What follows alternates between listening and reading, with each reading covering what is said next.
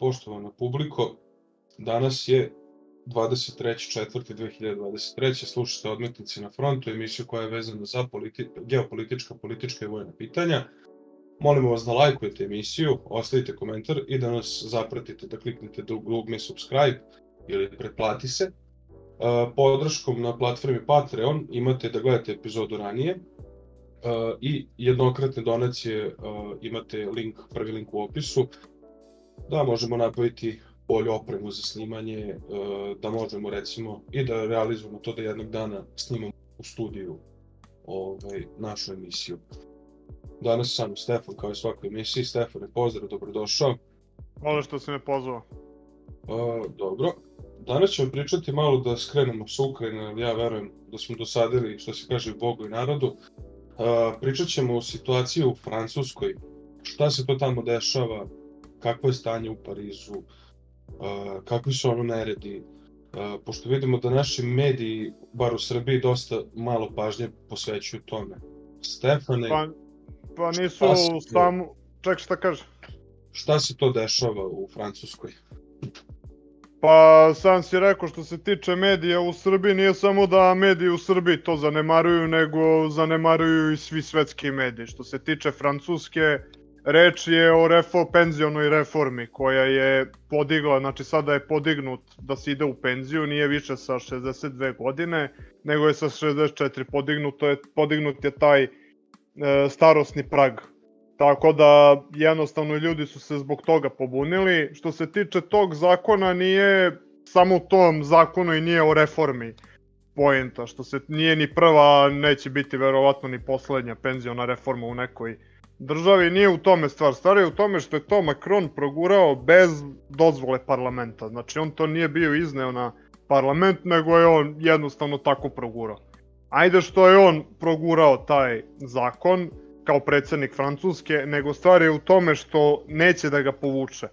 Znači, o tim protestima u Francuskoj što se dešava, reč je o milion i nešto ljudi je izašlo na taj protest. Znači, to se ne radi o nekoj maloj šačici huligana što zapadni mediji, a i naši mediji prikazuju, nego se radi o tome da je izašlo milion ljudi i da je cela država, što se tiče, ajde, tog nekog transporta i te železni, železnice je stala. Što se tiče tog zakona donekle i razumem Francusku s jedne strane da je želela da izvrši reformu, e, jer problem je stanovništvo Francuske. Stanovništvo Francuske kao i svako drugo stanovništvo Evrope stari. Sve više i više staraca, sve više i više ljudi u sre, nekom tom srednjem starosnom dobu i prosto ti sa 62 godine prerano otpustiš uh, sa posla, prerano se penzionišu ljudi koji još uvek mogu da doprinesu nekom razvoju i nekom napretku. I ti ljudi kad odu u penziju, oni se ne bave više nikakvim produktivnim radom, nego se bave, nego samo primaju penziju, primaju pare za ništa. E, tako da nije u tome poenta, Tako da razumem i Francuske s jedne strane, ali poenta suština i cele priče jeste to što je taj zakon Macron progurao bez dozvole parlamenta i plus i neće da ga povuče uprkos nezadovoljstvu narodu. I plus još to i prikazuju kao neki ideal demokratije, sad kao nametanje volje, batinjanje ljudi na ulici od strane francuske policije, da je to demokratija kojoj mi treba da stremimo. E, to je što se cele te situacije tiče jedno za prepašćenje, bar sa moje strane. Demokratija metodom batina. pa da, mislim, stvarno, ja kad vidim te scene u Francuskoj, jel stvari o tome, e, ljudi, najviše ljudi izašli iz tog, ajde, e, sektora transporta, u stvari tog saobraćenog sektora, tipa žele, kao što je železnica, znači ceo TŽV mislim da je stao. Inače TŽV to su vozovi tipa kao sad naš Soko što ide od Beograda do Novog Sada, znači stao je TŽV, stao je ovaj fran, iz sindikati francuske državne železnice i komunalni sektor. Znači to su ljudi koji se osjećaju najugroženije ovde u celoj toj priči i jednostavno sad zamisli da ti voziš kamion ili još gore đubretarski kamion do svoje 65. Tipa zaposliš se sa 25 godina i još 40 godina ti treba da voziš đubretarski kamion. Mislim, to je da. stvarno suludo. Pogotovo što to ima i odražaj na zdravlje, znači udisati je u stvari u to što se u tom džubretu, tim ostacima nalazi se amonijak. I amonijak je jako štetan za pluća. I sad ti zamisli 40 godina udišeš ono amonijak. Pa mislim, to je stvarno, stvarno smešno. Da. I to su ljudi koji su najugroženiji, koji se zapravo osjećaju najugroženije i zato su oni izašli, a na te proteste nisu samo oni nakalemili, na te proteste su se generalno nakalemili e, ljudi iz svih ostalih struktura, znači koji su prethodno još bili na žutim prslucima i koji su generalno nezadovoljni Makronovim, Makronovom vladavinom i na to gledaju kao jednostavno borbu protiv samog Emanuela Makrona. Emanuel Macron uopšte ne želi da popusti. Znači, to je nešto stvarno strašno. Da, ne, ko je jedino na toj trenutno Makronovoj strani su, koliko sam ja primetio gledajući razne izbore, su uglavnom ti radnici koji su u Francuskoj na crno, oni to imaju dosta problema sa tim. To su sve ona populacija koja nije učestvovala što se spomenuju u protestima žutih prsluka. Da, da. Ovaj, tako da to je jedna zanimljiva stvar, a inače ovaj, pridružili su im se i sindikati, pošto to je jako zanimljivo da objasnimo slušalcima našim. Prvo su sindikati sami što ti kažeš pokrenuli, znači taj najveći e, sindikat je e, sindikat tih železnica i TŽV i to, metroa, a e, čak neki aerodromi su isto što je jako zanimljivo prestali ovaj, da rade i to, te komunalne službe i slično. Danas Pariz izgleda pod, zbog tih protesta dosta prljavo. Da, da. Pa to ti inače posledica samih tih protesta, znači da, da, to je da. sve posledica jedne nefleksibilnosti od strane vlasti, znači oni nisu uopšte vodili nikakav ajde dijalog. Ja pazi, ja sam neko ko ovo neutralno posmatra, ja i razumem francusku vlast sa jedne strane, znači što imaš jako puno sredovečnih ljudi, ljudi koji su u srednjim godinama još uvek imaju snage, ali problem je što je ovo Macron progurao bez dozvole parlamenta i bez neke bez nekog ajde neke javne rasprave o tome da li je taj zakon dobar ili loš i ne vodivši računa o samim radnicima je u stvari u tome što političari u Evropi, a i kod nas izgleda zaboravljaju jednu stvar, e, svaku vlast bira narod. Znači, e, narod je taj koji svojim glasanjem prenosi deo svog suvereniteta na one koje nose nose javne funkcije, znači koji nose e, zakonodavnu i prvenstveno zakonodavnu, a samim tim i izvršnu vlast, jer zakonodavna vlast formira izvršnu, ovaj, formiravši vladu i ostalo. E, tako da oni to zaboravljaju očigledno i oni zaboravljaju da je narod taj koji im je dao legitimitet i da je narod jedini koji može da im oduzme taj legitimitet. Znači oni su u dužnosti da rade u skladu sa onim što narod hoće. E, suština cele priče je da narod neće tu penzionu reformu i oni e, jure za njom ko tome što narod neće. Tako da je to nešto što je što se mene tiče zaprepašćujuće i generalno taj ajde stav prema čitavim tim demonstracijama jeste da su to da svetski mediji daju do znanja da je to samo mala skupina ljudi koja vrši nasilje nad policijom, naš. Da, da. Tako da i evropski zvaničnici na to na to ćute, na to žmure, prave se kao da se to ne dešava.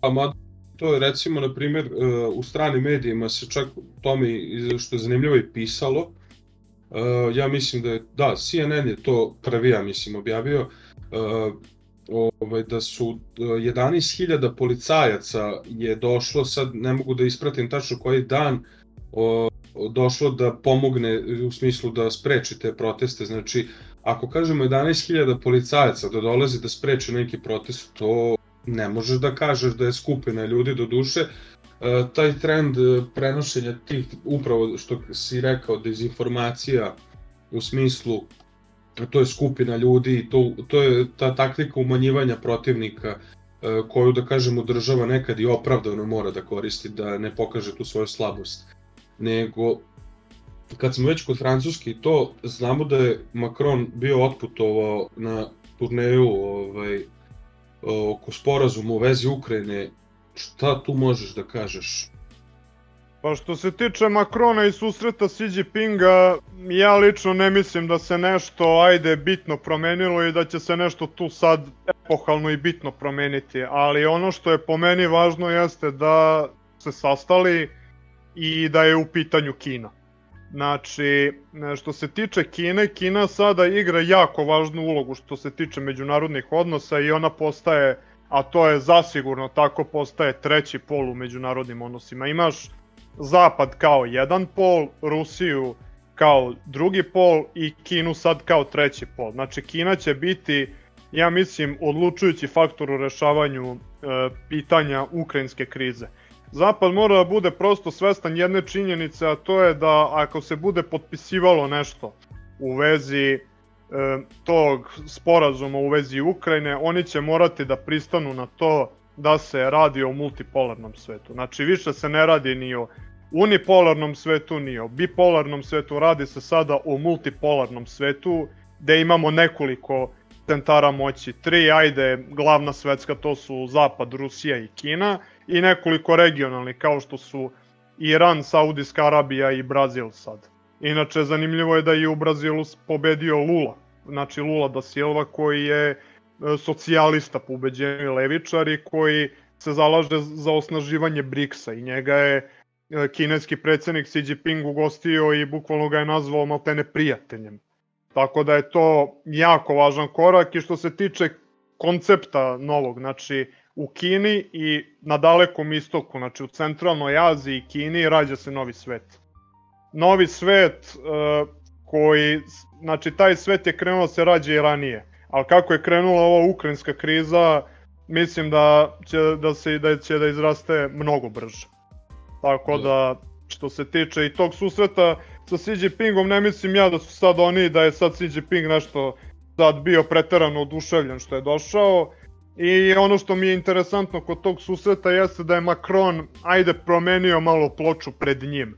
Znači, on pre toga se zalagao kako će Ukrajina pobediti Rusiju, kako će Francuska nastaviti da pomaže Ukrajinu, a onda je sasvim drugu priču promenio kad je došao pred Xi Jinpinga. Izgleda da je on pokušao malo da izmanevriše. Sećaš se ono kad je pre 3 ili 4 godine kad je došao u Srbiju, pa kad je rekao ono na srpskom jeziku Francuska vas voli.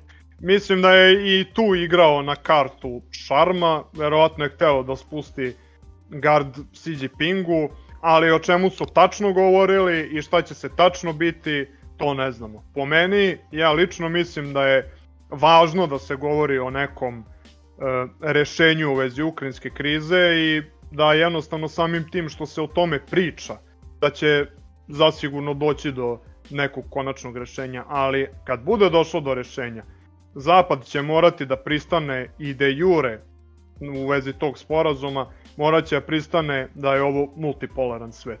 Dogod se ne pomire sa tim da je to relevantna činjenica, mira neće biti u Ukrajini. Da, ne shvati Zapad, mislim, pošto nekako Zapad ima tu dozu te neke zaista ono toksične, da se izrazim, arogancije, E, dok ne, ne shvate da moraju da puste i trećeg igrača ili sad Kinu koja je sve jača i jača, malte ne iz sata u sat. Ove, realno ja mislim da nije preterivanje ove, da će svi sporazumi u buduće bilo kom sukobu Ukrajina, evo sad i Sudan i slično, da će da. Kina tu biti jedan posrednik i ono što se kaže kao garant do nekog mira, stabilnosti, razvoja i slično. E, nego Uh, odnos Francuske i Nemačke, pošto to se u našim medijima spominjao neki francusko-nemački sporazum, plan. Šta možemo tu da kažemo kad već smo se dotakli Francuske, jer to, da kažemo, da objasnimo malo to našim slušalcima. Pa, što se tiče Francuske, Francuska je naj, posle Nemačke najvažnija članica Evropske unije. Znači, Nemačka i Francuska, oni su motori same Evropske unije. Nemačka je uvek dok je Merkelova bila na vlasti, Nemačka je uvek figurirala kao ekonomski, znači kao ekonomska vodilja Evropske unije, a delimično i politička, dok je Francuska varirala isključivo i samo kao politička vodilja Evropske unije. Francuska je jedina članica Evropske unije koja ima prava veta u Savetu bezbednosti. Francuska za Evropsku uniju uopšte nije zanemarljiva država, ali što se Francuske i Nemačke tiče kako je Evropska unija upala u krizu od korone pa do danas jednostavno problem za, za Evropsku uniju su mnogostruki. Prvo, ovaj sam rat koji Evropsku uniju posle Ukrajine najviše košta. Za sada Evropska unija je posle Ukrajine najveći gubitnik u celoj ovoj priči. Ona, se, ona je morala da se odrekne ruskog gasa i da pređe na američki koji je mnogo skuplji. E, onda što se tiče e, dolaska Olafa Šolca na vlast, Olaf Šolc uopšte nema ni A od autoriteta kakav je imala Merkelova ranije. Čak ni podršku naroda, što je jako bitno da kažem. Da, znači, pa stvari u tome što Olafa Šolca, Olaf Šolc uopšte nije neka, neka sad upečatljiva ličnost. Da, znači, da, da. on nije... E, Merkelova je ako išta umela da zauzme Nemačku na pravu poziciju. Ona je umela da balansira između Rusije i Sjedinjenih američkih država i plus nekako da održava Evropsku uniju u tome. To Olaf Scholz ne ume očigledno. Plus, znam da je, inače, Olaf Scholz jednom bio u Namibiji, čini mi se. Ovaj, I kad je bio u Namibiji, ovi su ga dočekali bili na nož, ono kao, šta ćeš ti sad ovde? Mislim, kome si ti sad ovde, ovde bitan? Jeste da smo mi nekad bili kolonija, ali kome si ti sad ovde bitan? Tako da, znači, njih, afrički lideri i Makrona i e, tog Olafa Šolca, afrički lideri dočekuju na nož. Afrika koja je najsiromašniji kontinent na svetu. Naš. I Dobro. prosto on je, on je izgubio, izgubio autoritet, on ne ume da pozicira Nemačku na pravo mesto i to je nešto što ovu Evropsku uniju, a i samu Nemačku najviše košta sad u ovom sukobu, tako da cela moć Evropske unije se sad svela na Emanuela Makrona. Od toga kakva će budućnost Evropske unije biti isključivo će zavisiti od Francuske. Ako Francuska uspe da održi Evropu i da uspe nekako sačuva osipanje Evrope, to će biti svakako za njih veliki uspeh, ali problem su što je francuska politička kičma Evropske unije, Macron sad ima problem sa ovim protestima, ima problem sa samim ratom, ima problem sa opozicijom, sa Marine Le Pen, koja, koja sve su prilike da će da pobedi sledeće izbore. Onda problemi u samoj Evropskoj uniji na relaciji između tih zapadnih članica Evropske unije i na relaciji između tih istočnih članica Evropske unije, kao što je Poljska, na primjer. Poljska uopšte ni, ne, zar, ne zarezuje više ni Berlin ni Pariz. Znači više ih ne slušaju. Poljska isključivo i samo vodi svoju politiku u skladu sa koordinacijom sa Sjedinjenim američkim državama. Plus Poljska ima i za sebe tu inicijativu, takozvanu inicijativu Tri mora, koja okuplja e, Poljsku, Pribaltičke republike i još članica Evropske unije koje izlaze na Jadran i koje izlaze na Crno more. Zato se i zove inicijativa Tri mora, zato što spaja članice Evropske unije koje su izlaze na Baltičko, Crno i Jadransko more. Tako da to je sad postala osnovna težišna tačka koju, koju Sjedinje američke države imaju na tlu Evrope. Njih ne zanima više ni Francuzi, ni Nemci, ni šta će oni sad trenutno. Njih isključivo zanima i da nekako koordinišu sad u ovoj ukrajinskoj krizi taj tu istočnu Evropu protiv Rusije. Da, ne, pričali smo u prošle, prošle emisiji smo se dotakli toga, inače to je peta epizoda ko, koga interesuje neka se vrati da pogleda. E, o, da li je moguć Evropski vojni savez e, ili kažem, to su, o tome su, ja mislim, govorili nešto Francuzi i Nemci, malo se tu nešto pitala i Amerika sa strane oko formiranja toga, pa to malo da objasnimo našim slušalcima. Pa, što se tiče tog Evropskog vojnog saveza, to je da se na teritoriji Evropske unije formiraju jedinstvene oružane snage. Sad Francuzi i Nemci su imali par pokušaja i postoji takozvani Evrofor. U stvari ne Evrofor, Evrokorpus. Znači to je ajde je neka simbioza između jedna jedinica sačinjena od e, oružane snaga Francuske i oružanih snaga Nemačke, to je Bundeswehra. Međutim, ni, ni taj ajde Eurokorpus nije neka sad čvrsta jedinica i nije sad da ono nešto efektivno može da uradi. To je e, pokušaj bio Makrona najviše, on je najviše to zagovarao, jeste da se formira nešto pandan NATO-u. Znači da Evropska unija, bar u tom nekom oružanom geopolitičkom smislu, ima neku svoju neutralnost i svoju neku poziciju zasebnu. Međutim, e, to je moglo dok je NATO dok nije izbio ovaj rat sad u Ukrajini, jer problem je NATO ceo, što NATO vuče za sobom ogromna financijska sredstva i zahteva održavanje, a mislim protiv koga se održava. Realno, mislim šta, održavaš NATO kako bi Amerika mogla da šalje oružane snage članice Europske unije u jedan Afganistan. Mislim, aj sad uzmi ovo hipotetički, sad Češka koja je članica NATO-a mora da šalje svoje vojne trupe u Afganistan i Irak. Mislim, kako to Irak i Afganistan ugrožavaju Češku. Ili se svede samo na bombardovanje i smenu nelojalnih režima u Libiji, Siriji, Iraku, Afganistanu, Jemenu i još mnogim državama, mislim, i protiv nas između ostalog. U čemu je poenta da NATO samo bude o instrumentu u američkim rukama, u čemu gde se tu pitaju ovaj Francuska, Nemačka i ostale članice Evropske unije. I zato su oni najviše insistirali na tome da stvore nešto zasebno, međutim to je sve palo u vodu ovim ovim sad ajde ratom. I stvarno treba pogledati malo jednu drugu dubinu ovaj tih protesta u Francuskoj. Znači Macron ima nezadovoljstvo uh, svog naroda koji neće penzionu reformu, a on forsira taj uh, tu penzionu reformu protivno volje naroda. I mi stvarno treba da se zapitamo gde gde je logika evropskih političara. Da li stvarno može nešto da se da li stvarno možemo da se uzdamo u njih i da računamo na njih kao neki e, na da je racionalno jednostavno. Oni nisu bili u stanju da nateraju Albance na Kosovu da ispoštuju mi ovaj naš briselski sporazum do kraja. Ka kako mi da očekujemo, oni govore da se zalažu za mir, a non stop šalju oružje Ukrajini, i municiju i vojnu tehniku. Da, da, da. Mislim, ja bi se osvrnuo da... na jedan, jedan bitan deo uh, iz Olafa Šolca i za Emanuela Makrona. Uh, oba lidera, uh, to je jako zanimljivo kad se povuče ovako kažemo neka psihološka para, paralela jednog i drugog lika, uh, oba lidera su u toj nekoj, ja ne znam, uh, luzerskoj poziciji, obojica su uh, outsideri, luzeri, uh, evo realno kad pogledaš. Uh, ni jedan i, uh, jedan i drugi lider, ne, što kažemo, nemaju autoritet, narod ih ne podržava nikako.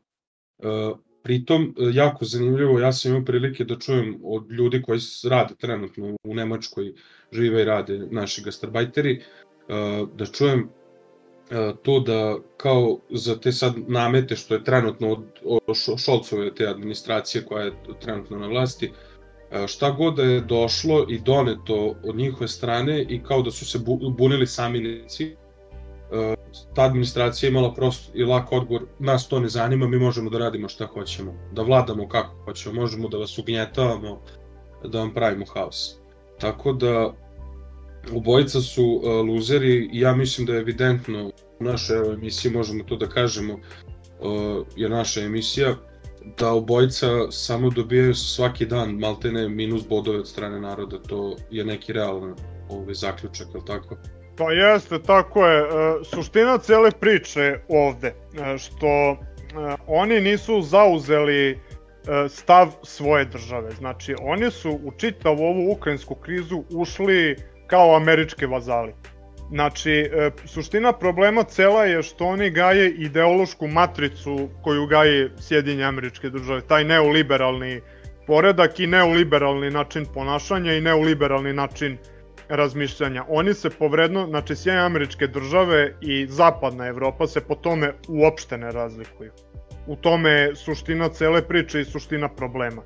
I oni su ušli u sve ovo kao američki vazali. A to je evidentno protivno evropskim interesima, odnosno interesima prvenstveno francuske i nemačke. Znači, interes e, nemačkog i francuskog čoveka jeste da on živi normalno Francuzi i Nemci su u Evropskoj uniji živeli u konformizmu nekih 40 godina. Znači, živeli su u konformizmu bez nekih ozbiljnih kriza, bez ozbiljnih poteškoća i oni su naviknuti na taj e, sistem i na taj način razmišljanja, do, za razliku od nas ovde na Balkanu gde je uvek bilo non stop nekih ratova, nekih sankcija i nekih kriza. Oni jednostavno na to nisu naviknuti i oni jednostavno nisu spremni na to da trpe. I samim tim, pošto nisu naviknuti da trpe, oni neće da trpe. On će jednostavno da živi kako je živeo do juče.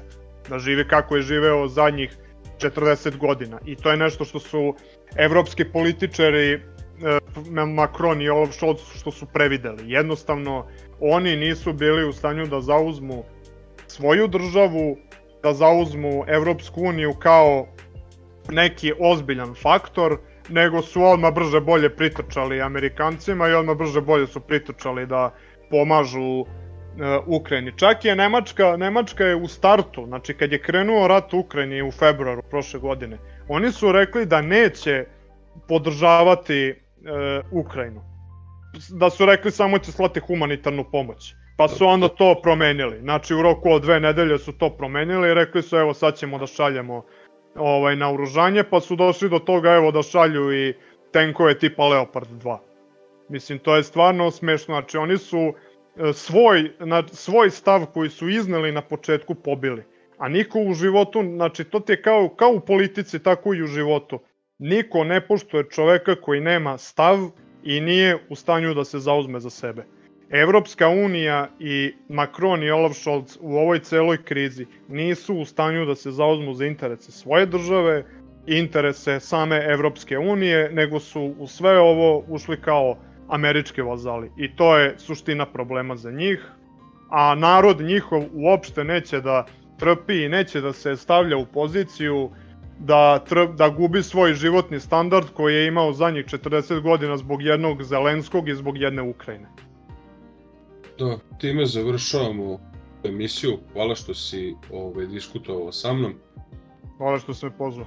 Uh, zahvaljujemo se naši dragi slušalci, gledaoci, uživaoci ove emisije.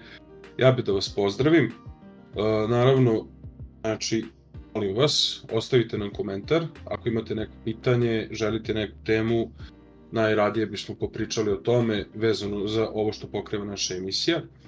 Uh, lajkujte, podelite video prijateljima, rodbini, mami, tati, kome god. Uh, ostanite nam zdravi. Ja se nadam da smo ovaj da nam se dopala emisija. Patreon, gledate epizodu ranije. Imate jednokratne donacije da Stefan i ja nabavimo bolju opremu. Toliko od Stefana i mene. Pozdrav!